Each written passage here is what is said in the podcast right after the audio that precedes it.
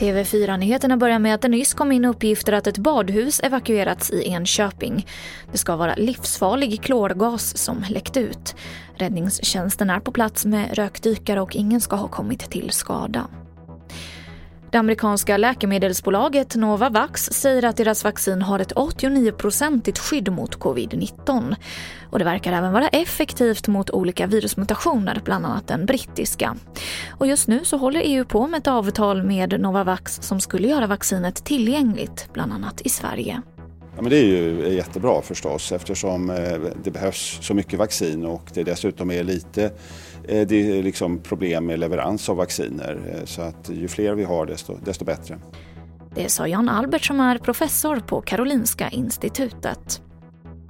Och jag avslutar med att idag presenterade Statistiska centralbyrån sin lista över de populäraste bebisnamnen förra året. Och det allra vanligaste flicknamnet år 2020 var Alice.